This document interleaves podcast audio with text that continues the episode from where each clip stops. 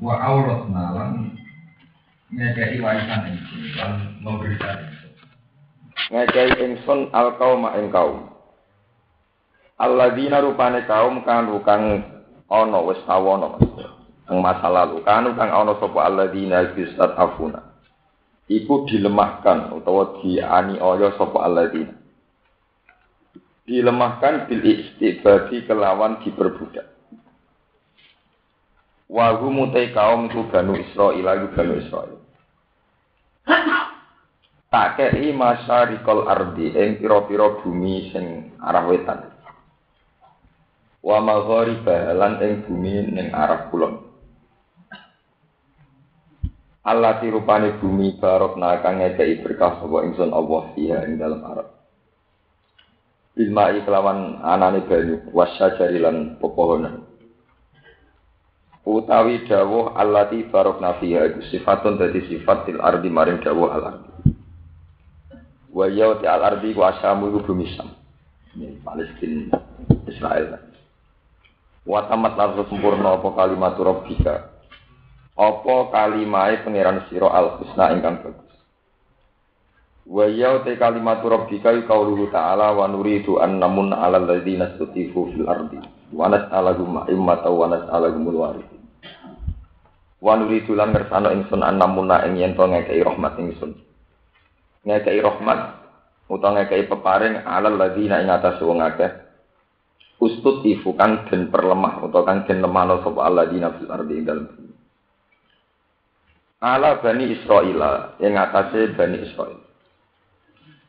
Takai rahmat sebab perkara sabaru kang wis padha sabar sapa bani Israel. Ala ada aduwihim ing atase pilarane musuh-musuh bani Israel. Wa damarna lan menghancurkan ingsun, ngrusak ingsun, ahlakna tegese ngrusak ingsun. ma ing perkara kana ingkang ana apa ma iku yasna iku agawe sapa Firaun Firaun wa kaum lan kaum Firaun minal imaroti saking pembangunan atau saking bangun wa malan perkara kanu kang ana sapa Firaun sak kaum iku ya arisuna iku bangun sapa Firaun wa kaum bisa rok kelan kasre rok wa dumi halan dumairo ayar fauna tegese padha ngangkat utawa padha meninggikan sapa kaum Firaun minal bunyan saking bangunan Wajawas nalan nglewatno sapa ingsun. Abarna tegese nglewatno sapa ingsun. Maksudnya melalui ini. Di Bani Israel, ing Bani Israel, al-Bahra ing laut. Liwati satu kepulauan, liwati laut. Fa'ato mongko podo nekani sapa Bani Israel. Eh pamaru tegese podo liwatan sapa Bani Israel ala kaum ing ngatasi siji kaum. Satu komunitas, satu kelompok. Ya akufun kang podo itikaf, kang podo ibadah sapa kaum bindo milkaf ya akufun wa kasriha ya akifun. Iktikaf ala asnamin ing atase siji berhala, lagum kedue kaum. Iki munate kese podo jumeneng sapa kaum ala ibadah dia ing atase ibadah ning asnam.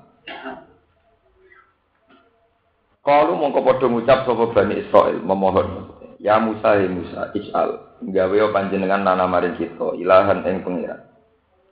Sonaman tegese pangeran nak abdi kang nyembah sapa ingsun ku ingsun kama lagu alih kaya iku tetep kedue ben kedue kaum kaum sing niki wau sing teng waro al fakhri alihatun te ana pangeran pangeran fisik maksudnya bentuk-bentuk arca atau bentuk pahatan Kala dawuh sapa Musa innakum qaumun tajhalun Innakum sak temne sira kabeh iku kaum iku kaum. Innakum sak temne sira kabeh iku kaum iku kaum tajaluna kang bodho sira kabeh. Hai tu qabal tum nikmat Allah. Sekirane bandingno sira kabeh, hai tu sekirane bandingno sira kabeh nikmat Allah ing nikmat Allah alaikum ing atas sira kabeh. Mbok bandingno bima kultumuhu, bima klan perkara kultumuhu kang ucap sira kabeh. Innaha ulai mutabbarum ma hum fi. Innaha ulai sak temene mengkono-mengkono kaum. Kaum sing nyembah berhala sing nyembah harta atau sing ibadah. Iku mutabbarun, iku barang sing rusak, sing hancur atau sing enggak berarti halikun tegese rusak. Apa ma perkara? Hum kang utiha ula iku fi ing dalem.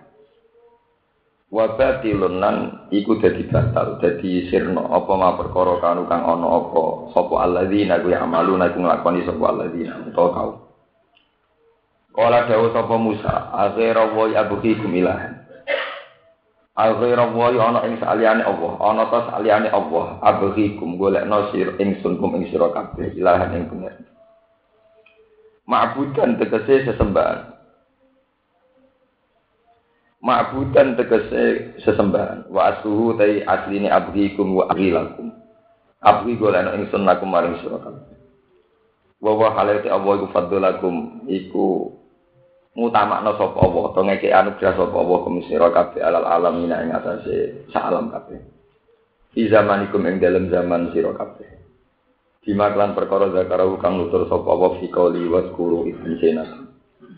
lan ilinga sira kabeh pancena kum nalikane nyelapno ingsun kum ing sira kabeh wa fi qiraatin anjakum lan ing dalam siji qiraah anjakum nyelametno sapa Allah kum ing sira kabeh min ali fir'auna saking kelompok fir'aun ya sumunakum kang padha ngicipno atau padha nglarakno sapa fir'aun kum ing sira kabeh yukallifunakum tegese padha memaksakan terus kerja rodi memaksakan sapa kamu fir'aun kum ing sira kabeh Wa yudhikunakum lan ngicipna sapa fir'aun kum ing sira kabeh sual azab ing LS. Ai asad dalu tegese banget ya ada. Wa wa tisul azab iku ngene yuqatiluna padha mateni sapa Fir'aun abna anak-anak sira kabeh. Wa istahduna lan eh gawe urip sapa kaum Fir'aun ya sapuna tegese membiarkan sapa kaum Fir'aun di sakum ing pira-pira wadon sira kabeh niku digawe amat digawe napa perbudakan. Wafi dalikum lan iku tetep ing dalam mengkono kabeh. Ayil injai tegese ing dalam nyelamat nawal azab dalam siksa. Bala unu ta ana ujian in amun tegese ana ujian awit tila unu tawa coba. Mirabbikum saking pangeran sira kabeh azimun kang gedhe. Apala tata iduna ana ta ora padha nasihat sira kabeh. Apala tata iduna ana ta nasihat sira kabeh. Patan tahu mongko jadi sebab mendo sira kabeh atau berhenti sira kabeh. Amma sing perkara kultum kang ucap sira kabeh. Meniki sing kula terangno sing moga intine niku cerita akhir ya. Cerita akhir kaum Bani Israel itu intinya menang. Ya, setelah berbagai peristiwa intinya terus menang. Sausai menang, sausai Fir'aun tenggelam teng Laut Merah. Walhasil Fir'aun sak kelompok kalah itu kemudian Bani Israel itu menjadi satu komunitas yang sejahtera, yang sehat. Tidak ada yang nindas, tidak ada yang intimidasi. Tapi kemudian seseorang yang sudah sejahtera, sudah sehat, itu biasanya punya selera.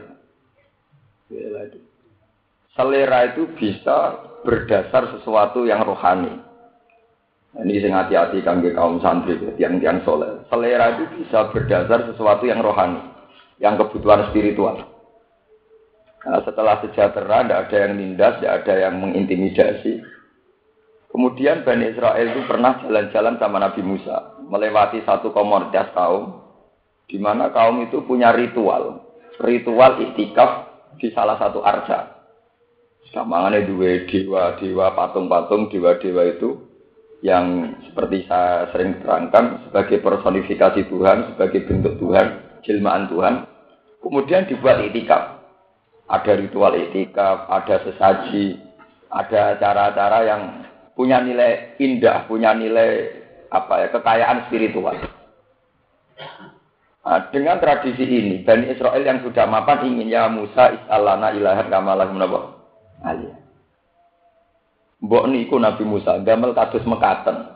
Kersane saat kita hubungan dengan Tuhan, itu ada semacam visualisasi penggambaran tentang nopo Tuhan. It'alana ilahan kamalahum nopo Ali. Dan ini penting kalau aturakan bahwa dalam semua sejarah kemusyrikan itu dimulai dengan yang namanya patung, personifikasi Tuhan. Ya, kalau nanti matur temriki bahwa keuntungan kaum Nasrani atau kaum Kristiani adalah karena punya tradisi setiap gereja dikasih patung yang menggambarkan tentang Yesus, tentang. Artinya keuntungan itu bahwa hipnotis, daya hipnotis, daya ketertarikan, daya apa itu terus menyita orang. untuk tidak berpikir yang lebih rasional. Sama ini kena esroh patung, dua karisma, pemenang umur itu, kepinginnya amit bah, amit bah. Kamu sudah tidak mikir, nah itu waktu yang dibuat, batu yang bisa dipalu, bisa dipotong, bisa dihancur, dihancur. Anak itu aura, aura karisma atau aura hebat. Sehingga Rasulullah itu boleh antipati patung tak ngamek. Sehingga ketika Fatih Mekah pertama masuk Ka'bah yang dihancurkan juga apa? Karena mulai dulu kekayaan-kekayaan rohani manusia itu menjelma menjadi kemusyrikan. Mulai zaman Nabi Nuh. La tadarunna wadda wala suwa'aw wala yaghutha wa ya'uqa napa? Wa nasra wa qad? Katsira. Setelah Nabi Nuh wafat, sebelum ya, sebelum Nabi Nuh wafat itu menangi satu kaumnya, di mana ada arca-arca yang mengabadikan kesalehan para pahlawannya, para tokohnya. Mereka tidak nyaman kalau ibadah di satu musola, kemudian di musola itu tidak ada arca-arca atau pahatan-pahatan yang menggambarkan tokohnya. Tapi lama-lama menjadi kenyamanan spiritual tersendiri. Ke mana ibadah yang mau ora enak, ora ono patunge. Ning dalan ora enak, ora ono patunge. Sehingga mereka tergantung dengan sesuatu yang fisik. Yang fisik ini personifikasi napa? Akhirnya lama-lama periode anak cucu sudah menjadi Tuhan. Jika sesaji, terus didoakan, berdoa kalau tidak di situ ya tidak marem dan sebagainya. Terus Nabi Nuh dihancurkan. Ada lagi, ada lagi. Ketika jahiliyah, orang-orang Arab bikin patung Allah Al-Uzza, Al-Manat. Mereka juga bilang Al-Uzza itu singkatan dari kata Al-Aziz, zat yang agung. Ya, Al-Manat dari kata Al-Manan, zat yang banyak memberi roh rahmat. Nah, kemudian Allah itu dibayangkan, artinya dijilmakan dalam patung-patung itu. Ini zat yang agung, ini zat yang pemberi. Ya sama seperti tradisi Cina itu. Ini dewa apa, dewa apa, dewa apa. Nah, karena lamanya satu petualangan spiritual di mana di situ sudah ada sesaji, ada amit bah, amit bah, ada ruatan, ada apa. Sehingga orang itu lupa kali itu hanya sebuah batu. La tadur wala tanfa. Nah, kelupaan ini yang menjadikan kemusyrikan karena terus menjema kayak Tuhan. Nah, makanya Nabi Musa marah betul ketika kaumnya punya selera, ingin punya acara ritual yang kayak dilakukan ala kaum yakufuna ala asnamil Makanya kalau nyuwun para teman-teman yang haji, begitu juga saat kita haji, kita akan mengalami hal yang sama saat melihat hajar nama aswa. Makanya karena tradisi ini rawan, ya, rawan disalahgunakan, sehingga seorang Sayyidina Umar setiap mencium hajar aswad, ya setiap mencium hajar aswad dalam riwayat-riwayat hadis soheh, mesti komentar, alim Tuhan naki hajarun la tadur tanfa. Walau la anni itu Rasulullah qabbal tuki ma qabbal. Saya tahu bahwa kamu hanyalah batu. Yang namanya batu ya batu, tidak roti, tidak manfaat. Kalau saja aku tidak melihat Rasulullah mencium kamu, aku ya ora geduga ngambung kowe. Karena apa? Personifikasi tentang Tuhan, tentang yang sakral, itu bisa rawan ke depan menjadi kemus Kemudian nak patungnya digawe meripati mendelik sumpune sangar wong mesti wedi.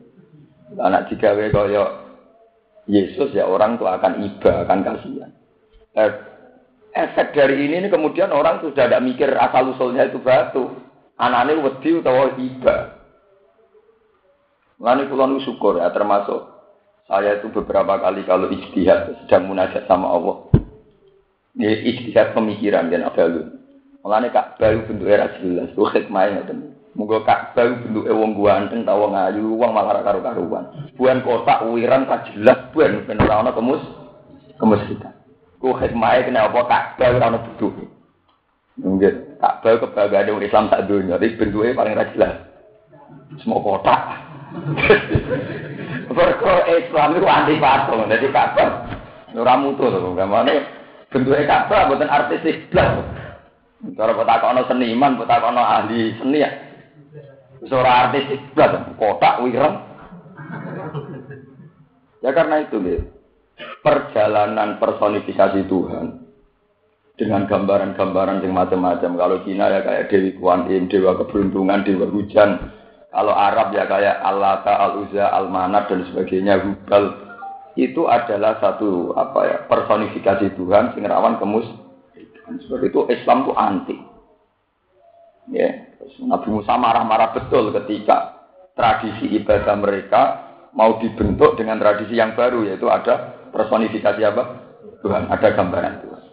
Ketika Nabi Musa innaha ula imutabbarum mahum fihi wa batilum makanu ya. Itu hanya patung. Ya patung itu patung itu tradisi yang salah, yang enggak ada artinya. Nabi Musa pinter caranya mendorong kaumnya anti patung.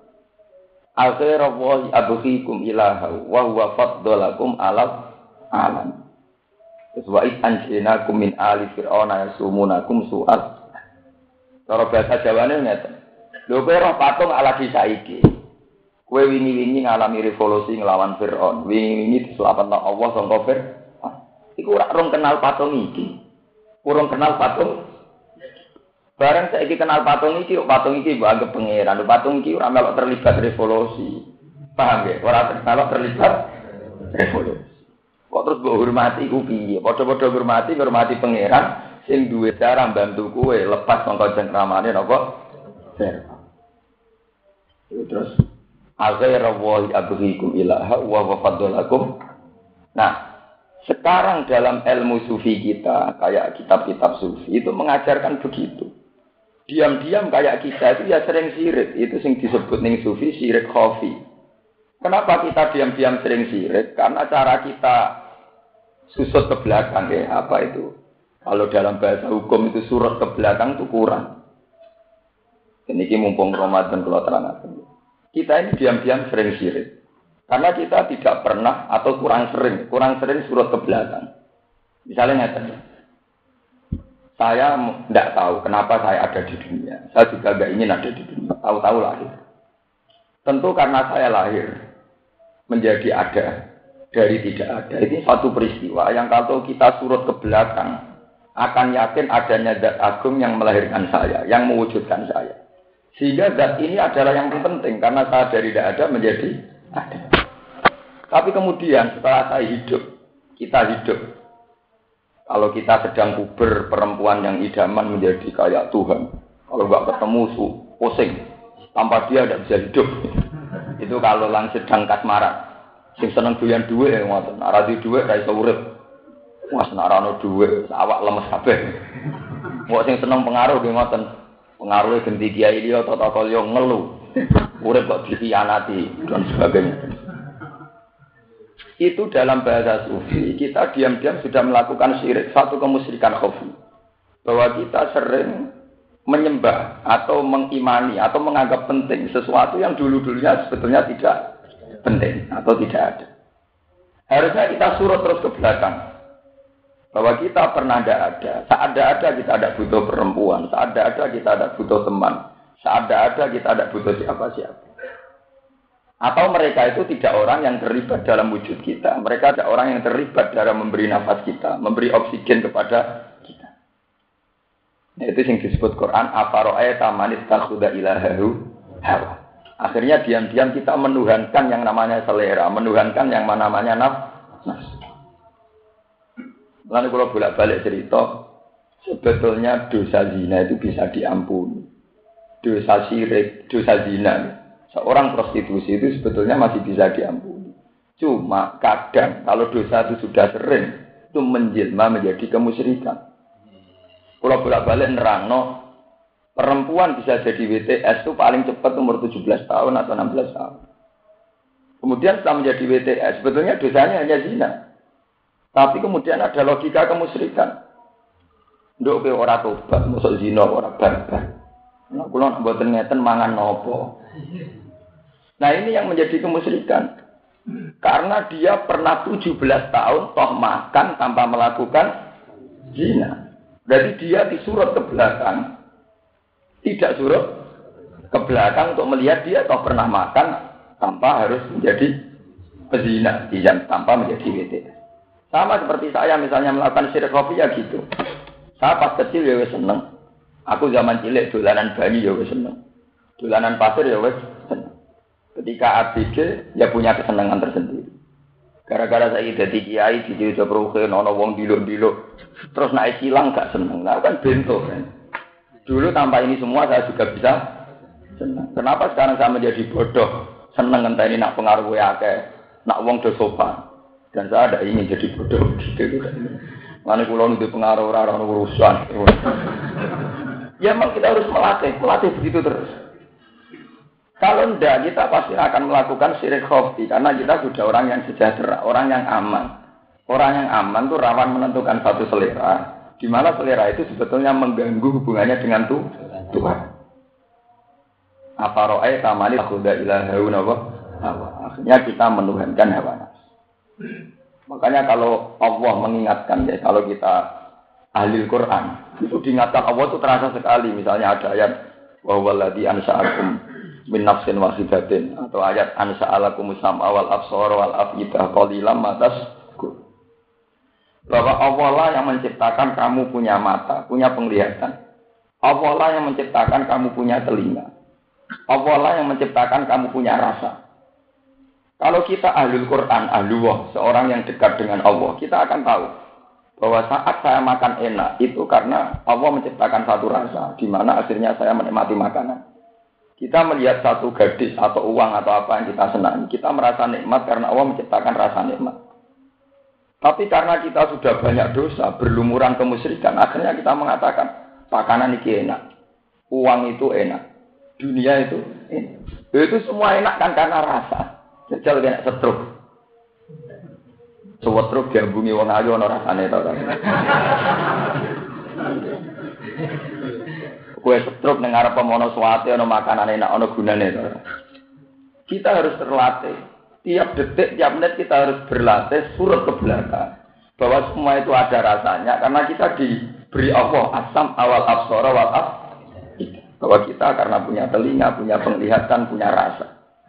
Makanya Allah menutup koli lama atas turun. Tapi betapa sedikitnya kamu syukur. Artinya kamu syukur setelah kamu menikmati makanan. Malah makanan ini menjadi begitu penting. Setelah kamu menikmati seorang gadis, malah gadis ini begitu penting. Nak jeneng susah era karuan, nak putus cinta, terus boleh tampar dan sebagainya. Wah, di pengaruh ya begitu. Pengaruh ini menjadi penting. Ini kita nak bila mencari Kita jangan begitu. Seorang mukmin yang sejati tidak boleh begitu.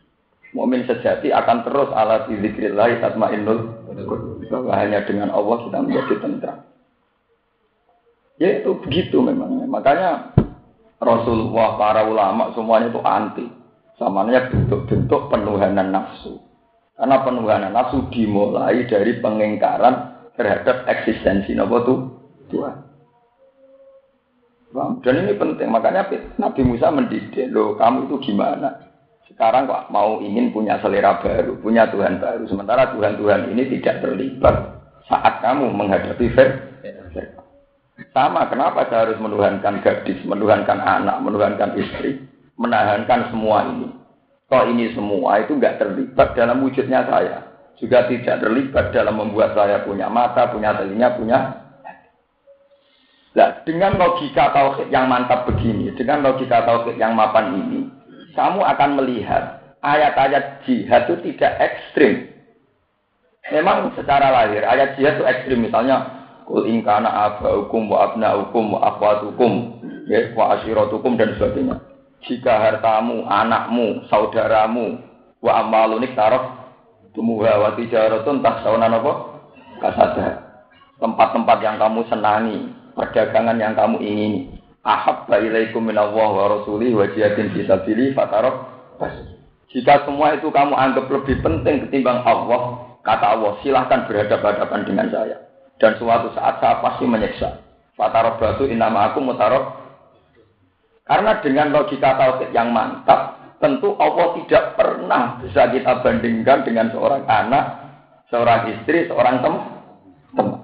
Artinya dengan dengan tauhid yang mantap, semua ini tidak penting. Kalau ini nggak penting semua, ketika Allah nyuruh jihad ya tidak pernah kita tekan perang.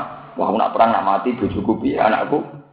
Karena tentu dengan logika tauhid yang mantap, Allah tidak pernah diperbandingkan. Artinya Allah harus nomor satu. Nah, kita yang kita alami sekarang itu diam-diam sudah begitu.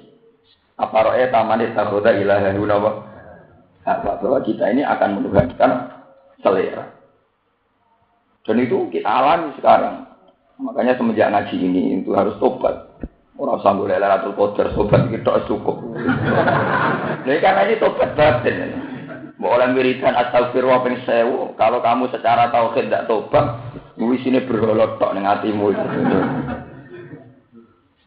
Iya di sini berolot tok tidak boleh begitu. Kita kita tidak boleh cacat secara tauhid.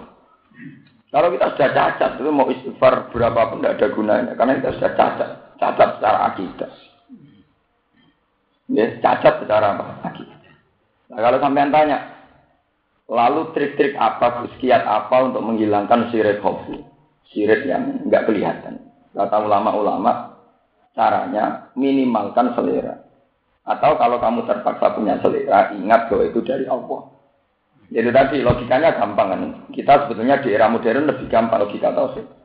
Misalnya saya sebagai manusia, Melihat makanan enak senang, melihat gadis cantik senang, melihat uang senang. Senang ini itu sebetulnya dimulai dari gadis itu atau dimulai kita punya rasa, kita punya mata. Saat kamu senang karena melihat, itu sebetulnya senang dimulai dari karena kamu punya mata, apa karena gadis itu cantik? Karena kita punya mata. Wong bisa ke arah rasanya gadis cantik. Paham ya? Nah, kalau dimulai dari mata, tentu fungsi mata ini lebih penting. Toh mata hanya berurusan sama penciptanya bahwa kita punya mata karena Allah. Sehingga cara cara kita menghitung nikmat tentu tidak mendewakan gadis itu. Wah, aku nak rasa senengi jadi aku mati. Paham? Ini harus dilatih terus. Ya sama seperti makanan gitu, bahwa kita bisa merasakan sate, merasakan enaknya hidangan. Karena kita masih punya rasa. Saat rasa itu hilang oleh stroke atau oleh penyakit yang lain, ini ada gunanya semua. Apalagi di era modern kita membuktikan itu lebih mudah. Misalnya kalau kita darah tinggi, makanan sate menjadi problem. Kalau kita punya kolesterol, makanan ini menjadi problem. Akhirnya apa? Quran teruji kebenarannya bahwa semua kenikmatan duniawi itu kembali pada rasa dalam diri kita atau organ-organ dalam diri kita atau elemen-elemen dalam diri kita. Nah, elemen-elemen itu mulai asam awal absor wal afida tentu hubungannya dengan penciptanya, dengan Allah. Harusnya ya itu yang penting, bukan yang di sekeliling itu. Paham? Itu harus dilatih terus. Nah kalau menyangkut yang kayak selera, ya selera kayak yang lain misalnya. Itu di Ihya saya pernah baca satu cerita. Ada seorang resi, penasihat seorang raja. Raja itu bijak karena punya penasihat yang bijak pula. Nah, suatu saat raja itu dapat hadiah satu apa satu keramik yang dari kristal bagus sekali. Itu gelas dari keramik bentuk kristal bagus, indah sekali. Raja itu senangnya bukan main. Sampai-sampai saking senengnya itu kalau minum ya harus pakai gelas itu. Kalau enggak, enggak marem. Ketika raja saking senengnya karena punya benda yang sangat dia sukai. Sang penasihat itu bilang, hey raja, saya itu tidak seneng sama benda ini. Kok bisa? Kamu itu gimana? Kamu penasihat saya. Yang saya itu seneng sekali kok kamu tidak apa? Senang. Jawabnya penasihat itu, jika jenengan senang betulan, itu akan tersiksa karena kesenangan yang berlebihan. Suatu saat kristal itu pecah. Pecah raja sangat sangat gelisah, sangat risau. Beliau bilang, lay tahu lam yakun. Saya senang andekan dulu-dulunya tidak pernah ada. Kalau dulu-dulunya tidak ada, nggak pernah susah karena pecah atau karena ini. Itu sama dengan yang dikatakan Sayyidah Maryam, ya letani kuntunasyam masih. Ya seperti itu. Kita harus melihat begitu. Semua nikmat Allah harus kita lihat bahwa itu dari Allah. Kalau tidak diandekan, andekan tidak ada juga tidak apa-apa. Itu bisa dilatih. Itu tadi kita menghindari punya benda yang kita senang secara berlebih. Misalnya saya yang saya alami. Saya misalnya kiai punya bendera. Kita punya harus latihan. Misalnya di kan ya senang, pergi sendirian ya senang. Misalnya dihormati orang ya biasa dipisoi wong ya biasa harus dilatih. Kalau tidak kamu akan tergantung dengan fenomena-fenomena atau kejadian-kejadian di sekeliling kamu. Dan itu mengganggu kita kenyamanan dengan Allah Subhanahu wa taala. Ini keluar terus akan. Ini bakat yang Wawa atna Musa salasin alailatan. Wawa atna lan ngekei janjian ingsun atau janjeni ingsun alifin kelan alif waduna halan wadunya lan tambo atau waduna halan tambo alif. Musa ing Musa. Salasina ing masa telung pulau apane lailatan apane bengi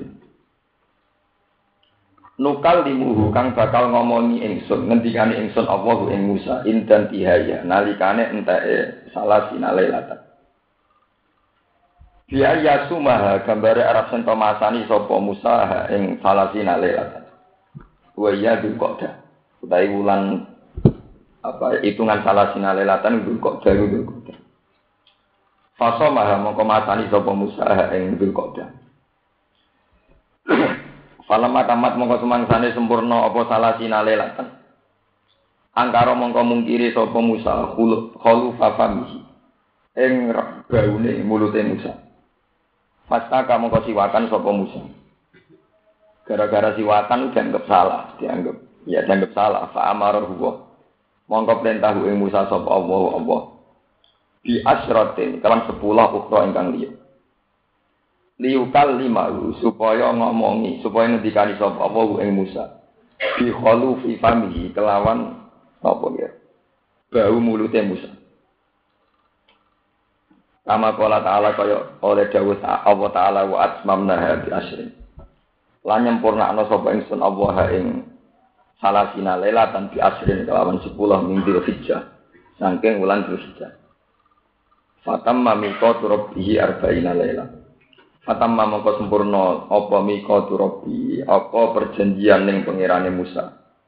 E waktu waktu tegese waktu janjeni ing Musa. Bikalamihi kelawan ngendikane Allah ya ya Musa arba'ina lailatan ing 40 dina. Halun lailatan tamyizun dadi tamyiz. Faqala lan dawuh sapa Musa Musa li akhihi maring dulure Musa Harun rupane Harun. Inta dahabihi nalikane budale Musa ilal jabali maring gunung lil munajat maring krana Musa ketemu pangeran. Ukhlufni fi qaumi.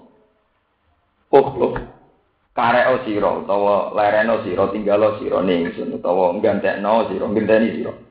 Ekun tegese ana sira iku khalifat iku dadi khalifah ingsun. Fi qaumi ing dalam kaum ingsun. Wa aslifan Napa dibenahi sira utawa dandani sira amrohum ing perkarane kaum. Wala tetap lan aja anut sira, kowe aja anut sabilan musidin ing dalane wong sing gawe kerusakan. Bimu apakotihim kelawan nyocoki musidin alal maas ing atase kemaksiatan, pira-pira kemaksiatan. Walama ja'alan semangsane sowan sapa Musa Musa utawa teka sapa Musa limi kotina. Krana mapak ning ingsun. Aile waktu tegese maring wektu allazi rub wektu wa adna kang janjeni ingsun hu ing Musa. Bil kalami kelawan ngendikan utawa ngekeki wahyu fi ing dalam waktu. Wa kallama rabbu. Lan ngendikani ing Musa sapa rabbu pangeran Isa. Bila wasitotin oleh ngendikani kelawan tanpa pelantara. Pasti boten liwat Jibril, boten liwat malaikat. Kalaman kelawan siji kalam. Sami ahu kang krungu sapa Musa hu ing kalam mingkul jihadin saking saben-saben sisi saben-saben arah. Kala dawuh sapa Musa, Rabbi arini anggur ilai. Rabbi do pengira ingsun. Ari kula aturi mirsakno panjenengan. Ari kula aturi mirsakno panjenengan ni ingsun nafsaka ing dat panjenengan. Anggur mongko saged ningali ingsun ilaika maring ndate panjenengan. Kala dawuh sapa Allah lan taron ora bakal utawa ora mampu sira, ora bakal ningali sira ning ingsun. Ela tak diru tegese ora kuasa sira ala ru'yati ngatasi ningali ning ingsun. Wa takbiru tawi nembung bihi kelawan napa jenenge lantaron. Gunalan ura. Ora kok lan ura, ora den tingali sapa ingsun. iku yufidu. Iku ngekei faedah, ngekei pengertian apa dawa lantaroni. Ora lan ura, ora ditinggal ingsun. Imka naruh yati ta'ala. Ing kemungkinane atau potensine Allah saged ditingali. Walakin ing guru tetapi ini ningali sira ilal jabal maring gunung. Allah dirupani jabal wa kang te jabal wa akwal kuat mingkat timbang sira. Fa ini takorra mongko lamun tetep apa jabal, eh sabata tegese tetep apa jabal. Maka nagu ing panggonane jabal. Fasau fataron mongko bakal ningali sira ingsun. Ai tas butu liru yati tegese tetek sira. Tetek maksudnya mboten goyah, tetep liru yati maring ningali ingsun. Wa ila lamun ora pala toko tamong korano kemampuan kemujud lah kamaring sira. Falamma tajalla mongko semangsane muncul. Ketok sapa rebu sapa pangerane Musa. Eh zuhara tegese pertelo sapa rebu minuri sanggeng nuri robi. Kodro nisfi an mulatil khinsir. Kelawan sak kadar separone driji manik, driji jentik, driji paling kecil nomor cara jendek. Kadar separone driji jendek. Kama fi hadisin. Kau yang dalam siji hadis. Sohahahu kang nasir yang hadis sebal hakim hitam. Imam Hakim. Lil jabal maring gunung. Ja'alahu dakka. Mongko gawe sapa Allahu ing jabal dakkan ingkang hancur. Bil qasri wal maddi. Eh matkukan tegese ingkang den hancurno. Mustawiyan tol hali rata bil ardi kelan bumi wa kharra Musa saika lan terjungkal utawa lan pingsan. Sapa Musa Musa saika hale pingsan hale mboten sadar. Eh maksian alai tegese katutupi pikirane maksudnya mboten sadar di hauli ma krono hiboe perkara krono dahsate perkara akan ningali sapa Musa. Walama apa kau mongko semangsane waras sapa Musa. Kala mongko dawuh sapa Musa subhana Maha suci panjenengan. Tanzihan krana bersihna la kamaring panjenengan. Tubtu ilaika. Tubtu tobat sapa ingsun ilai kamaring sira. Tubtu tobat sapa ingsun ilai kamaring sira min suali ma sangking takok perkara. Utawa jaluk perkara. Lam umar kang ora den perintah ingsun bi wa ana awalul mumin. Wa ana uta ingsun iku awalul muminina. Iku kawitane pira-pira umum Wa ana uta ingsun awal mukminin iku kawitane pira-pira mukmin di zaman ing dalam zaman iki kula terang Jadi rumah roh tenang masalah nek salah paham nuriskan. Kula terangno dari segi ilmu sing yang mudah artinya yang sing rapati sakral ya, sing rapati sakral. Ora langsung Quran yang enggak pati sakral. Ilmu dolanan istihad, ilmu yang dari hasil istihad. Menurut pendapat Mu'tazilah, bahwa Allah itu tidak mungkin bisa dilihat secara fisik.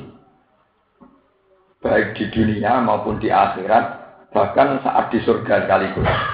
Itu tidak mungkin Allah bisa Allah dilihat. Dalilnya Mutazila adalah la tudrikul absor wa wa Bahwa Allah itu tidak bisa tersentuh atau terliputi atau ditemukan oleh al-absor, oleh mata manusia. Menurut pendapat Sunni, ahli sunnah, berdasar banyak riwayat, ya ini sampai dengan salah paham ya. Dari awal ahli sunnah berpendapat demikian itu berdasar banyak riwayat sohiha, riwayat dari hadis sohih, bahwa Rasulullah sering ngendikan, tidak sekedar pernah sering ngendikan, innakum satarau nabakum, kama tarau nal komaro laylat, kama tarau laylatal komar. Kama tarau nal qamara lailatal badri. La tudomuna. Bahwa kalian nanti di akhirat akan melihat Allah secercah secerah kayak kamu melihat rembulan di malam yang sangat cerah. Lailatul. Kemudian ada banyak ayat wujuh yauma idzin nadhirah ila rabbiha nadhirah. Di hari kiamat itu wujuhun ada beberapa wajah yauma idzin ing dalam dinane kiamat nadhiratun ingkang cerah, ingkang mencorok. Ila rabbiya kang maring pangerane wujud nadhiratun Iku ningat, ningat. Atas nama dalil-dalil itu, ahli sunnah meyakini bahwa nanti seorang mukmin yang masuk surga itu bisa melihat Allah. Nah, tentu karena Allah itu layak kayak tidak bisa direka-reka. Ahli sunnah berpendapat ya rohul mukminu nabi wairi kaifin walam fisorin. Bahwa saat kita melihat Allah adalah dengan melihat yang tanpa bisa mereka-reka yang tanpa bisa meliputi secara penuh atau bisa melihat secara detail, secara sempurna. Karena Allah bagaimanapun adalah laisa kami selihin Allah, bahwa Allah tentu tidak bisa direka-reka. Nah kalau masalahnya demikian, bisa melihat tapi tidak bisa mereka-reka. Bisa melihat tapi tidak bisa sempurna. Bisa melihat tapi tidak bisa identifikasi. Bisa melihat tapi tidak bisa mensifati. Kalau masalahnya demikian, berarti tidak menjadi masalah. Artinya, khilaf antaranya ahli sunnah dan mutazilah itu bukan khilaf yang serius. Bahwa masalahnya kita melihat Allah adalah bentuk kenikmatan. Dan itu saja ekspresi dari kenikmatan ahli jannah adalah punya hak, ya, punya hak ya Allah. Meskipun dengan melihat yang diwiri Kevin walau disore. Satu melihat yang tidak bisa detail, tidak bisa sempurna, tidak bisa mereka. Itu pendapat ahli sunnah dan mutasi. Nah, kemudian ada fakta-fakta riwayat. Misalnya tentang Nabi Musa. Nabi Musa ketika Ishak, ya, ketika Ishak sangat sangat Ishak, ya, sangat ingin ketemu Allah, itu spontan beliau memohon Robbi hari ini anggur, ya Allah berilah aku kesempatan untuk melihat engkau. Allah menjawab, lantaroni. Kamu tidak bisa melihat saya. Tapi coba lihat gunung itu. Kata Imam Suyuti, di mana gunung itu tentu secara fisik, secara materi lebih kuat ketimbang Nabi Musa. Alladzi huwa aqwa minka, bahwa gunung itu lebih kuat ketimbang kamu. Akhirnya Nabi Musa melihat gunung, gunung di sekelilingnya. Ternyata gunung itu ketika baru separuh dari kodronis fi an mulatil finsir. Baru benar-benar kecil sekali dari sinarnya Tuhan. Kodronis fi an mulatil finsir. Separuh sinar dari kadar separuh biji jentik. Itu gunung sudah hancur. Dengan demikian nggak bisa dibayangkan andekan Allah muncul secara penuh. Gunung yang sekuat itu saja langsung hancur. Kayak apa kalau muncul di hadapan Musa? Nah, terus akhirnya beberapa riwayat yang demikian, ini di rumah tenang ya, oleh pakar-pakar ahli sunnah, oleh ulama-ulama ahli sunnah dianggap satu riwayat sing minal mutasyabih. Ya, artinya satu riwayat Quran atau hadis sing mutasyabih. Mutasyabih itu ya yang kayak yang diterangkan Quran. Fa amal ladina fi qulubihim zaygun fa yattabi'una ma tashabaha min hubtihi al fitnati wa Orang akan mencari-cari persisnya kayak apa. Misalnya kalau berupa cahaya berarti Allah itu berbentuk cahaya. Kalau kamu yakin demikian juga sirik, juga kafir karena laisa kami Itu banyak riwayat yang begitu. Misalnya Tadi Nabi nanti ngendikan wa tadul jabbar qadamahu alan nar hatta takula kit kit itu diriwayat hati sahih. Dan Allah survei melihat mendadak neraka disurvei. Hal min majid apa kamu butuh anggota baru? Butuh tampungan apa? Baru. Nah kurang akeh tak tambahi. Lha iku istilah Nabi pas Allah survei itu wa tadul jabbar qadamahu ala jahannam hatta takula jadi saking kuatnya pangeran, ngidain rokok nganti kriat-kriat. Nah, itu kan nampu artekno kan rakaru karuan. Nah, Mosok bayang no pangeran kaya raksasa kan bukan mungkin. Bayang no pangeran nur bukan mungkin. Mosok pangeran kaya pelangi. Itu masalah-masalah yang oleh pakar-pakar ahli sunnah, oleh ulama ahli sunnah dianggap minal mutasyabih. Sama seperti ayat-ayat yang secara lahir misalnya ada ayat ya dua itu nopo jadi bahwa tangan Allah di atas tangan manusia. Sama seperti ayat walitus ala aini. Musa apa e, Isa kamu itu Musa kamu itu kesayangan mataku ala aini. Mata saya itu paling senang kalau melihat kamu. Walitus apa? Tentu nggak bisa diartikan bahwa kemudian berarti Allah punya mata. Nah itu masalah-masalah yang diperdebatkan terus oleh ahli sunnah dan mutazilah. Dan para kiai sekarang sampai kiamat tidak akan menemukan hakikat itu semua. Tapi kita punya gambaran, kenapa itu bisa terjadi. Misalnya begini, kalau sering ditanya orang, Gus katanya orang sebelum wujud, itu sudah ada al-misa, sudah ada perjanjian Tuhan, yaitu di alam dar. Wa id akhudha buka min bani adamah min durihim dzurriyyatahum wa asyadahum ala napa anfusihim ala tu biro bikum qalu Terus pertanyaannya adalah seperti teori saya tadi. Kita melihat karena dengan mata. Karena terlanjur cara melihat kita dengan mata, tentu sesuatu yang tertutupi atau yang jauh menjadi tidak kelihatan. Karena kita terlanjur mendengarkan dengan telinga saat telinga kita kita sumpeli, maka kita sudah tidak bisa mendengar. Tapi masalahnya, apa betul dengan mata ini, apa betul dengan telinga ini kita nanti melihat Tuhan? Konstruksi kita kan nanti dirubah total. Elemen kita nanti juga dirubah total. Sehingga dengan perubahan-perubahan elemen itu dimungkinkan sesuatu yang diceritakan Allah Subhanahu wa taala mata. Kita punya banyak bandingan tentang itu. Misalnya, wah jenenge mangan orang tak piring di ya rawar. Jenenge. Tapi ketika era ditemukan orang tidak makan pakai infus juga warak. Karena elemennya ternyata ditemukan. Sekarang tidak usah makan satu piring nasi, cukup pakai infus yang lewat organ tertentu bisa nopo lapar. Oh ya bisa menggantikan fungsi makan. Ya sama bisa saja begitu nanti di akhirat mata kita yang punya problem penglihatan karena bersyarat harus dekat, bersyarat harus ditutupi. Problem ini bisa dihilangkan kalau rekonstruksi badan kita dirubah toh. toh. Karena di akhirat segalanya dirubah. Yaitu yang disebut Tuhan yaumatubat dalul ardu ghairal ardi was samawati wa lillahi wahidil. Bumi juga diganti, langit juga diganti. Nah, dengan elemen-elemen yang berbeda tentu nanti dengan kemampuan yang berbeda. Dengan sistem komunikasi yang berbeda.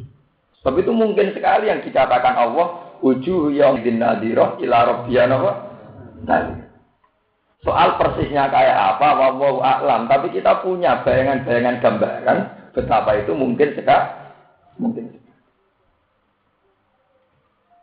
Paham ya? Itu penting kulator akan memiliki mau titik sampai sisa biar tidak menjadi masalah. Terus sekarang ada dalil lagi tentang mi'raj. Kenapa ahli sunnah ngotot bahwa Allah itu mungkin dilihat? Ada dalil tentang mi'raj. Mi'raj ketika Rasulullah sampai Sidratil Muntaha itu mengalami satu dialek dengan Allah. Ya Mu'tazilah salah.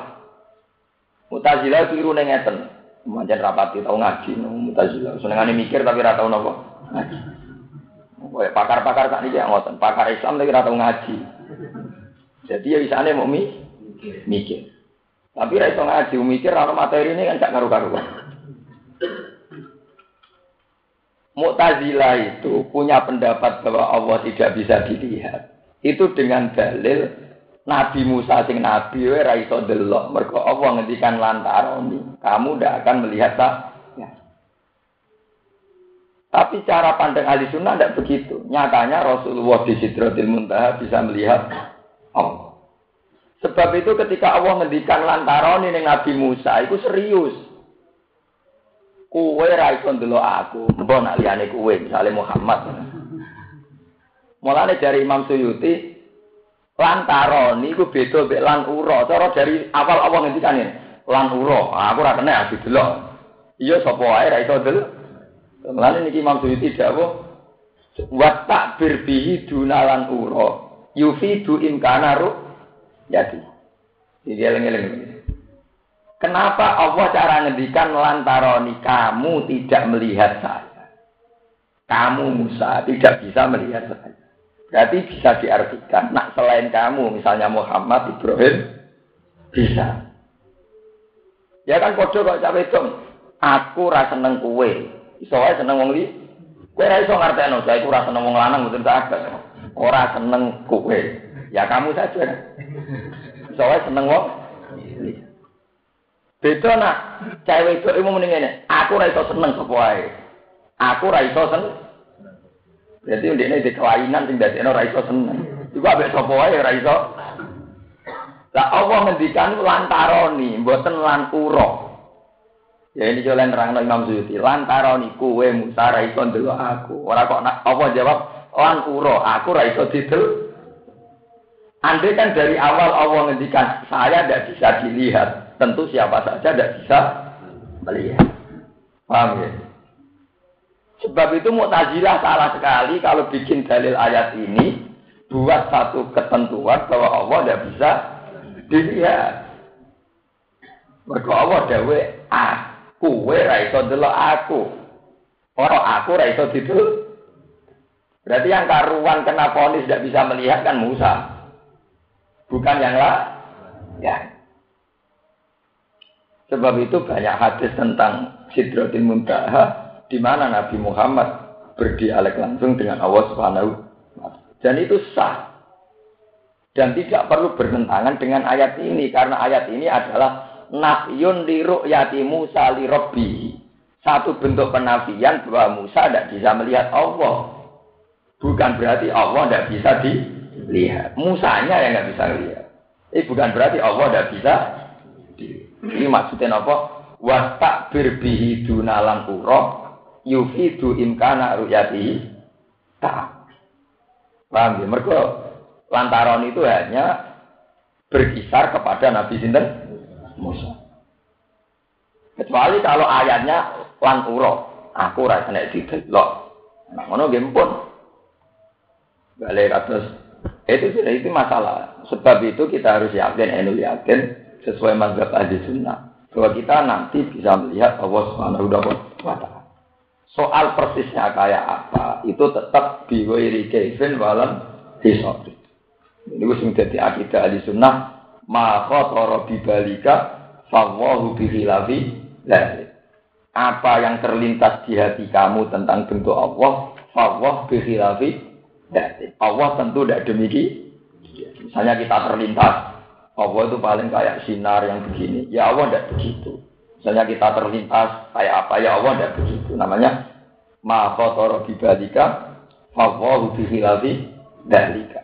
Apa yang terlintas di hatimu ya Allah tidak begitu. Karena kita punya kaidah baku bahwa tentang Allah adalah laisa kami bahwa Allah tidak pernah ada padanannya. Ini gue saya pujian-pujian disebut mukhalafatul lil Men kula terusaken. Kala jawab sapa Allah taala lagu maring Musa. Tidak usah peristiwa ini. Ya Musa ya Musa ini istofaitu ka alam nas. Ini istofaitu ka alam nas. Ini saat temen ingsun Allah iku istofaitu ka. Iku milih apa ingsun ka ing sira. Ikhtar tuka tekse milih ingsun ka ing sira alam nasi ing atase manusia. Ahli zaman ika tegese penduduk sak periode Diri salati kelawan tak pilih layak untuk risalah insun. Maksudnya untuk risalah Allah. Bil jami kelan jamak risalati wal ifradi lan mboten usah alif, usah alif. Lam mboten usah alif. Wa bi kalami lan tak pilih iso untuk ngendikan insun. Eh taklimi tegese ngendikan insun iya kaya ing. Fakut mongko ngalapo sira mak ing. Ate tukang pangan paring sapa ingsun ka ing sira minal fadli saking anugerah saking rahmat wa kunal ana sira iku menasakirin aku setengah sanggung sing syukur-syukur kabeh kowe syukur an umi maring pira-pira nikmat muslim wa katabna lan nulis sapa ingsun lagu krana Musa fil alwah ing dalam pira-pira laut sabak nggih kuna maknani sabak lembir lem, lembaran-lembaran Taurat alwah Taurat tegese pira-pira lembarane Taurat wa kana lan ana alwah min sidril jannah saking dedaunan swarga. Au jatin utawa saking jenis batu zabarjat. Au zamrotin sabatin asra utawa sangka zamrot.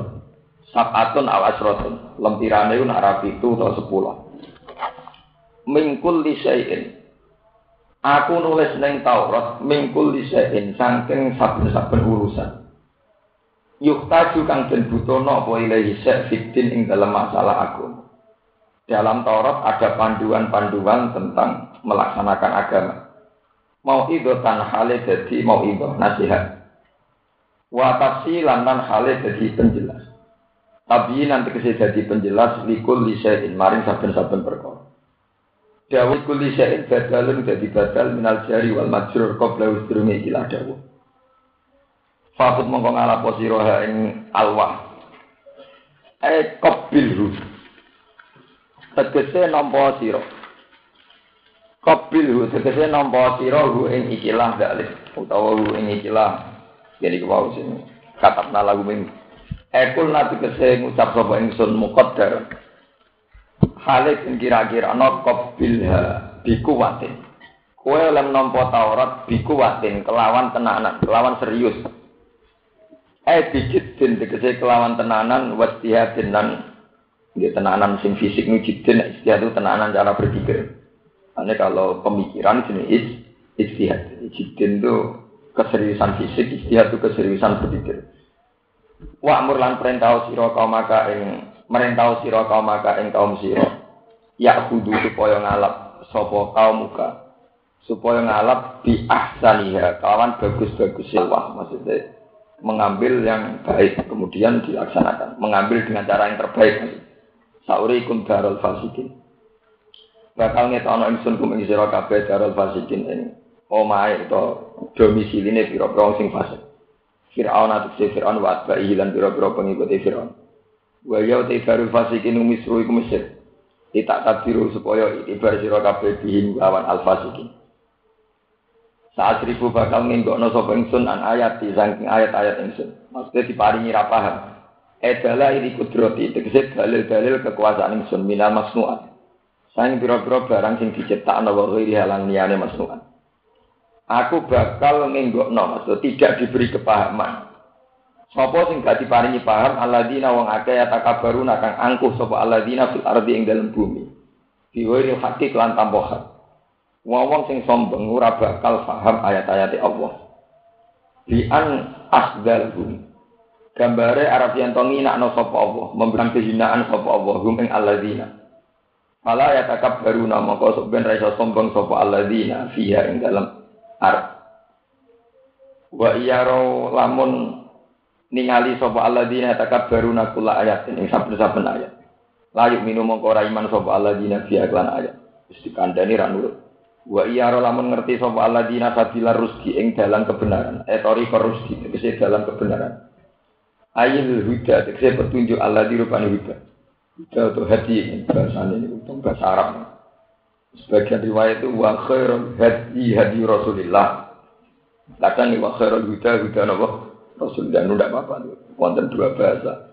Allah dirubani huda saya akan teko apa huda menintilah saking ngersane Allah. La yattakhiduhu sabila. Mongko orang ngalap sapa ngakehu ing arus di sabila ing dalan. Yaslukuhu kang ngambah sapa alladzina ing sabil. Nak roh barang apik ora dinut. Wa iya sabilal ghayyi yattakhidu sabila. Wa iya lamun ningali sapa ngakeh sabilal ghayyi ing dalan kesesatan, idolali tegese dalan kesesatan. Yattakhidu mongko ngalap sapa alladzina ing sabilal ghayyi sabilan ing dalan. Zalika sorfu. Utai mengkono-mengkono pengalian, maksudnya uang kok diparingi kelainan, cara berpikir kelainan. Iku bi annahum lan sak temne alladzina yukadzabu mendustakan sapa alladzina bi ayatina lan pira-pira ayat kita. Kulo niku niku mau ayat niki mulai mulai sakit ngalim. Ya, mulai sakit ngalim nganti saat niki. Ayat niki kulo eling terus. Bahwa orang tuh ya seperti keterangan saya tadi ya, bahwa orang tuh kalau cara pandang sudah dirubah. Niku kayak ayat niki, ngendikane Allah Aku gak akan memberi hidayah sama orang-orang sing punya perilaku demikian. Nak roh dalan apik ora dinggo, nak roh dalan elek dieng kita punya contoh banyak, segudang contoh. Misalnya kalau sudah orang itu fase, ono mau Quran nangis itu janda. Mau nangis ini ditangisi apa nih? Kok nak ana maca Quran guya-guyu, ngrungokno ngono kok guya-guyu sing diguya-guyu. Apa? Sementara mereka tidak pernah janggal ketika misalnya nyetel kitaro iso nangis, atau nyetel musik rap iso gedak, gedak gedak. Kenapa sesuatu yang mungkar mereka tidak pernah janggal dengan sesuatu yang baik mereka janggal? Nah, orang sudah kau kiai, kau masjid, dua tiga kayak no masjid, tiga no kiai maksudnya. Tapi mereka tidak pernah janggal ketika duit, tiga no lonte, tiga no pre, pre. Saya itu pernah berdebat sama seorang wahabi masalah ziarah kubur. Atas nama sama-sama ulama, artinya tidak atas nama tradisi. Nah, atas nama tradisi, orang NU mesti mau kuburan. Saya itu kebetulan dulu sering disuruh dimintai, dimintai tolong terjemah buku teks-teks Wahabi oleh orang Wahabi.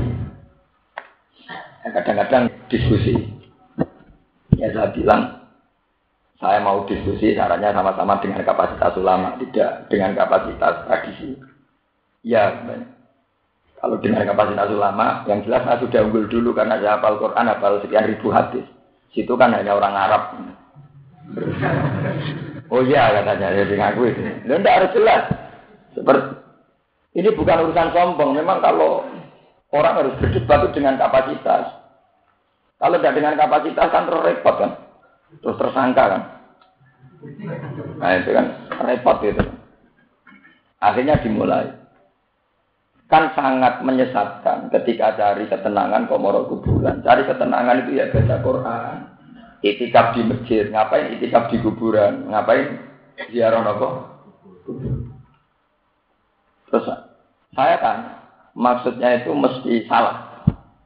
Ya salah, karena harusnya kan baca Quran, wiridan itu di masjid, tidak di kuburan.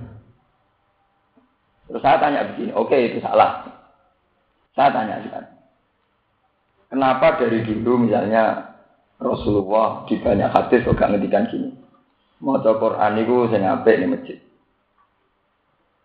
Andai kan dari dulu Rasulullah membatasi begitu, mau Quran sing apik di masjid. Tentu aku ora maca Quran ning omah, ya ora maca ning kuburan, ya ora maca ning pondok, mergo ora masjid. Iya. Berarti Rasulullah kan hanya bilang mau Quran wape itu ya itu bosan yang diwa ya nopo ape lah tepaan itu bosan di kuburan bosan di tenan bosan gue ya Ibu balen malah ya.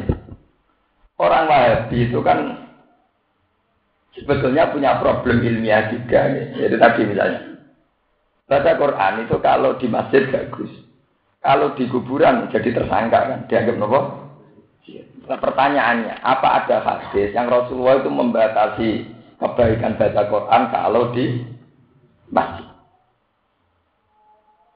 Kalau enggak, enggak ada batasnya. Mau Quran itu baik di mana saja. Yang menjadi pantangan ada riwayat itu kan kalau saat kita di WC saja kan. Saat kita kondil aja. Menang dia. Ya memang enggak ada batasannya. Sama seperti kita sama aliran tertentu ya. Saya juga pernah ketemu misalnya aliran-aliran yang melarang tahlilan, melarang apa. Memang kalau kita dari segi dalil, kita pasti kalah. Rasulullah pada bunda itu rati tahlili ya. Ya rati pitung dinani. Ya rati patang pulau dinani. So entel sampai nanti terang no. Andai kan itu kebenaran tentu yang paling pertama melakukan adalah para sahabat. Wong Wahabi nak debat kan meyakinkan. Andai kan itu satu kebenaran tentu yang pertama melakukan para Nyatanya tidak ada riwayat kaji Nabi di tahlili hitung dino di patang pulau dina ini di kho, di kho. Mana ada khaul Rasulullah? Khaul Syabdul Qadir mana Allah? Saya tuh pernah ketemu kelompok-kelompok begitu. Ya bilang, oke okay, kalau Anda berkeyakinan demikian itu silahkan. Tapi sekarang saya tanya, ada riwayat Sohisa. Ya ini kita sepakat riwayat ini Sohih karena ada di Bukhari Muslim. Rasulullah pernah ngendikan dalam hadis kutsi, hadis yang dingendikan Allah lewat Rasulullah. Manda karoni fi nafsi, dakar tuhu fi nafsi. Wa man dakaroni fi malain, dakal tuhu fi malain khairin minhum. Orang yang ingat aku sendiri, maka aku juga mengingat dia secara sendiri. Dan orang yang mengingat aku di depan orang banyak atau bersama orang banyak, aku juga akan mengingat mereka di depan orang banyak. Dan bahkan sebuah riwayat mengatakan, dan aku bangga mengingat dia di depan para malaikatku. Kenapa Anda nggak pernah melihat bahwa tahlilan anggap eling pangeran rame-rame? Jadi sing sunat ora mitung dinan ini tahlilan rame-rame kok. Kenapa kamu tidak pernah melihat bahwa kayak tahlilan ya hal itu anggap eling pangeran apa? Rame-rame. Oh sing diwiritno ya ramuni, ya Abdul Qadir Jilani, ya Tunan Bonang, ya Kali Joko. Lah kalau gitu memang sirik. Saroku tahlilan sik khol la ilaha illallah, la ilaha illallah. Ya iya toh. Yang dilapatkan itu kan juga kalimat-kalimat tauhid. Lho nggih to, masih khol Sunan Bonang kok kaya temen ya Tunan Bonang, Sunan Bonang eh boten. Tetap la ilaha illallah. Kali Joko, Wali kan begitu semua. Kenapa fenomena tahlil masal tidak pernah kamu lihat bahwa itu sebentuk ingat Allah secara masal. Kenapa tidak kamu lihat semakna dengan wamanda karoni fi malain turu fi malain khairin itu. Bahwa ketika aku diingat bersama orang banyak, orang itu juga aku ingat secara orang. Dia tanya sama saya, apa ada hadis itu? Kayaknya saya pernah dengar. Ya berarti kita nggak perlu berdebat. Kamu murid saya, wong alim saya. Ya ini yang saya tidak mau gitu. Perdebatan tidak level. Akhirnya sama dapat ilmu dari saya. Harusnya debat tidak begitu. Sama-sama level terus kemudian ada yang punya kelemahan. Kalau gini jadinya ada berdebat. Jadinya saya gurui kamu atau kamu ngaji saya. Betul-betul Ya, Ya kalau dipikir gitu ya ada baiknya gitu dong ya. Ya tetap nggak ngaku itu baik. Ya kalau dipikir gitu ya ada baiknya gitu wah itu Ya itu kan ya memang begitu susah kan. Ya memang saya sendiri ya. Saya sering ngomong sama istri saya. Di umpama aku mati lah ya seneng. Ditahlili wong akeh terus wong do teko akeh misalnya mati dipendem terus mbok sing biasa sama ambek aku kondongano. Cuma aku ya anti tahlil, tapi ya serasa ribet-ribet. Memang masalah itu memang masalah. Ya. Tapi yang jelas lewat ngaji ini sampai akan tahu bahwa atas nama mayat itu memang salah. Ya, atas nama mayat itu memang salah. Daripada atas nama mayat itu memang salah, kita pakai hadis soha itu saja. Bahwa saat kita ingat Allah sendiri, Allah akan mengingat secara sendiri. Saat kita ingat Allah secara masal, Allah juga akan mengingat di arah secara masa dan Allah akan bangga nama kamu akan disebut di hadapan para malak malak itu jelas pokoknya hadis. Sama cari di hadis-hadis muslim di Bukhari. Itu kita lebih aman. Nah ini kalau saat ini sudah di kiai tenan jauh dalam tonggo-tonggo tahlil. Gus mengira apa wonten pitung dinane bapak kula ya kok teko wiridan bareng-bareng nggih Gus ya sebenarnya jadi kalau anak kadang tiga waktu mau itu hasanah gitu Anggap mawon tahlilan wiridan bareng-bareng, teman rasa peduli polemik NU Muhammad Muhammadiyah. Wiridan dhewean ya apik, masal ya apa? Apik sing ora apik misale kowe jamu tamu iki duwe utangan, kiaimu seret nak sembuh salam tempel duwe utangan. ya saya ada cerita gitu aja. Artinya nak sembuh sugono iki gak utangan, ora duwe kasus ya apik. Sing dadi masalah iku asline ora kok perkara. Bolak-balik hal-hal itu sing dadi masalah kan penggalangan dana nih pasti. Wong was ini raja gal wiridan nih. Kemudian anggo proposal negara, mereka ya ini terkenal proposal untuk diri Malah itu yang mata anak. Ini uang kurang janggal. Ambil wiridan buat apa? Si janggal itu gue. Bolak balik mari janggal napa? Uang dari mana kok halnya besar besaran? Mari janggal itu perkara repot. Tidak artinya kita punya perbandingan. Kita ini jangan menjadi orang kelainan. Saya bilang sama orang itu, saya bukan anti papa, saya setuju sama mazhab Anda dalam banyak hal. Tapi kita jangan jadi orang kelainan. Ulama-ulama Wahabi, apa pernah se ekstrim itu menuduh para pemusik? Misalnya ulama Wahabi apa mengarang begini, sungguh gila, sungguh bid'ah, Wong kok iso gedhe-gedhe ngrungokno musik rap. Sungguh nggak terpelajar. Wong iso nangis mergo ngrungokno musik. Kenapa selalu yang dihujat orang-orang yang ngaji di kuburan? Orang-orang yang nangis saat ngaji di kuburan. Ini kan tidak adil. Satu kefasikan yang jelas-jelas fasik tidak pernah diadili sesering itu. Sementara satu kesalahan yang mesti fasik dihujat demikian ru rupa. Lengge Orang-orang misalnya apa siapa saja di Indonesia, misalnya ada kelompok yang anti tahlilan. Apa mereka sesering itu janggal terhadap fenomena wong beda-beda ini kelak? Sing dijanggali kok amen wong tahlilan. Apa ora iso janggal mek sing beda-beda ning jero napa? Ini banget maksud kula, cek seneng nek janggal mek wong saleh. Ya memang alasannya Ya tapi wong sini kuburan beda-beda kan ya wong bingung. Padha wong neni klub ya wong bingung kabeh. Kenapa yang bingung satu tersangka, yang bingung satu gak tersangka? Nah itu, itu tadi, itu fenomena kita ini jangan sampai cara berpikir kita kebolak balik. Rawong sodakon yang masjid janggal, rawong yang kiai janggal, tapi rawong bayar BTS buatan janggal. Saya bukan termasuk pengagum Gus Dur, tapi saya bukan benci Gus Dur. Saya itu pernah ketemu seorang kiai yang benci sekali sama Gus Dur. Iya, acara mesti hujat Gus Dur. Suatu saat ketemu saya. Tangklet ya gue. Gus nak jenengan termasuk sing gede Gus Dur nopo boten. Waduh, pas. Tapi gak di depan umum. Bodoh dia ini nak omongan kan nakalan, sisi-sisian. Jawab kula ya. biasa mawon. Kula niku kalian Gus Dur biasa mawon artinya nggih. biasa mawon. Ya itu ya wong mukmin ya seneng ya kados kula seneng ya. Terus beliau menghujat mau beritanya apa-apanya. Saya bilang begini, saya itu setuju sama Anda, tapi dengan satu syarat. Asal frekuensi kebencian Anda terhadap kemungkaran yang dilakukan Gus Dur juga frekuensi yang sama atau lebih pada fase-fase lain. Ya misalnya di Indonesia yang fase itu pengeruh pasir ilegal juga fase.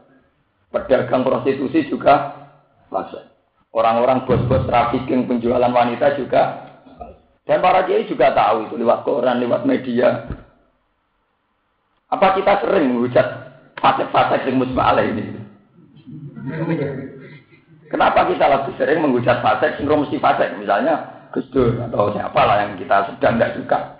Saya bukan bilang Gus Dur, betul Mengenai kalau nak dinyek orang, misalnya saya dihujat orang gitu.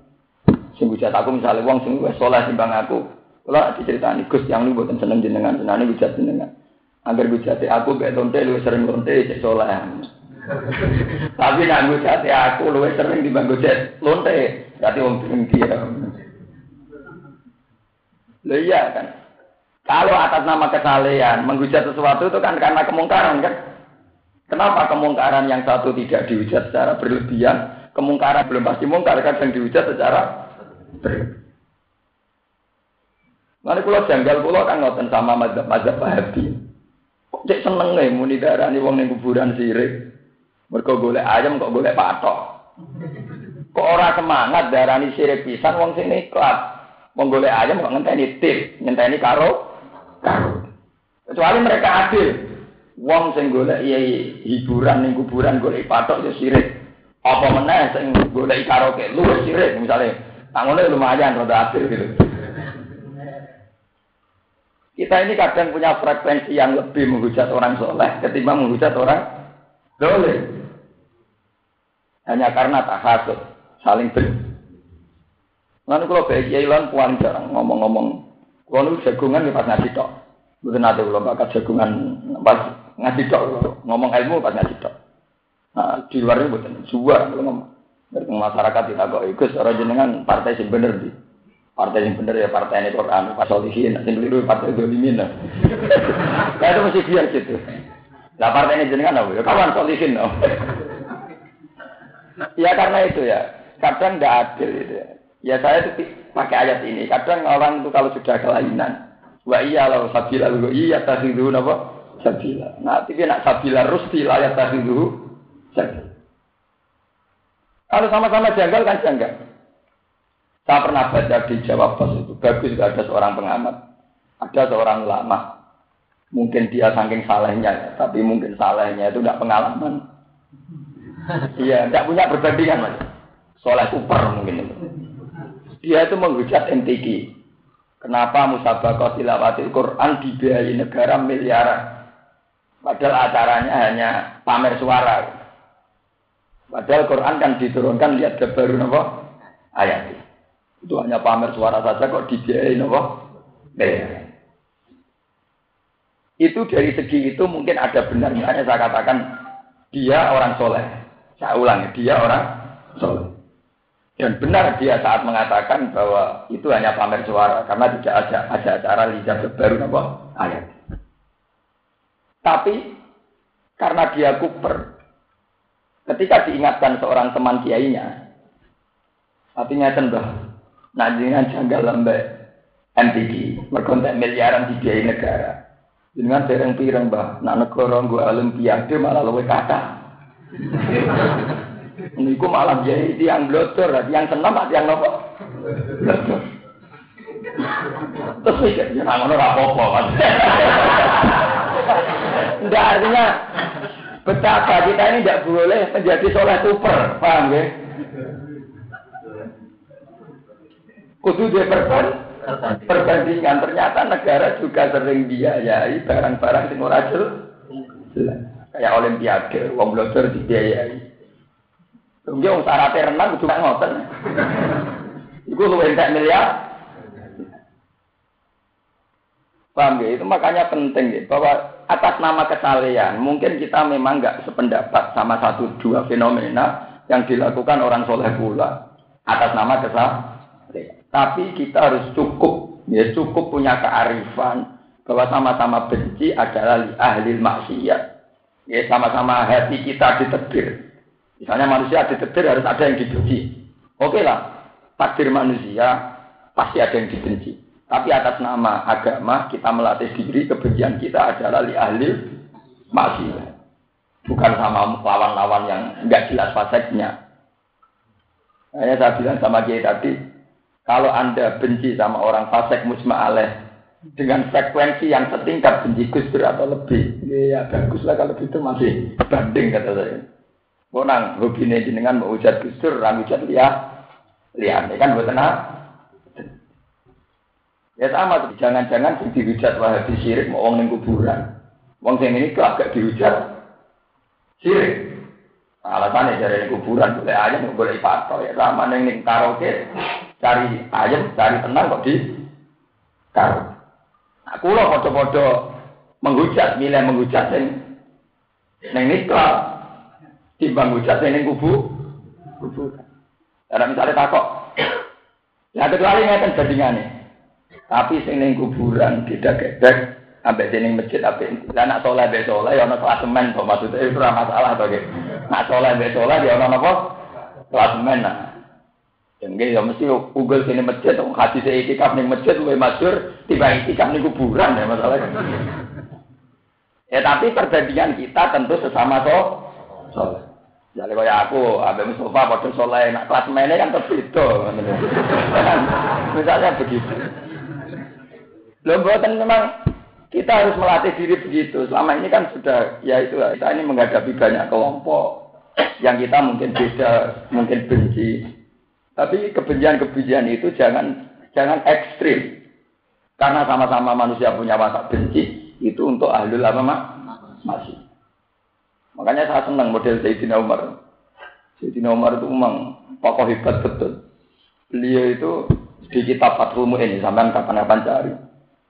Doa kunut itu yang dari Nabi itu kan hanya Allah mahdini gimana berita wa ini ya.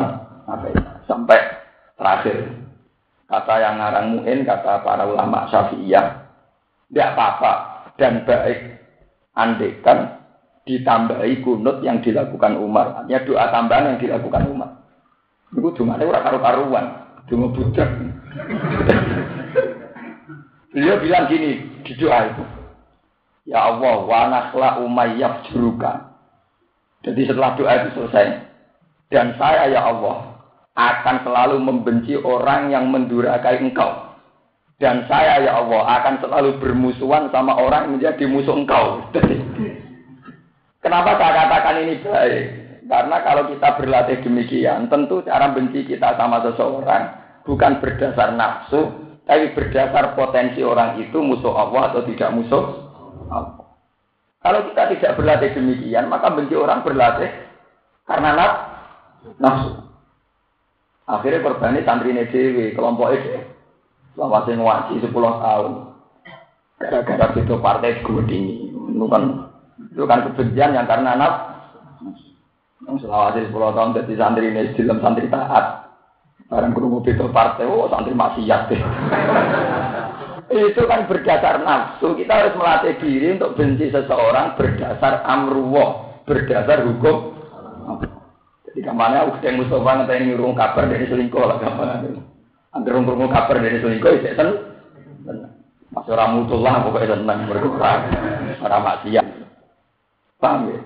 Ya karena kita jangan sampai masuk ayat wa iya rasabila napa rezeki la ya tahdiru sabila ya rasabila wa iya tahdiru napa kita jangan sampai pola pikir kita berbalik-balik. Paham ya? Pola pikir kita napa berbalik.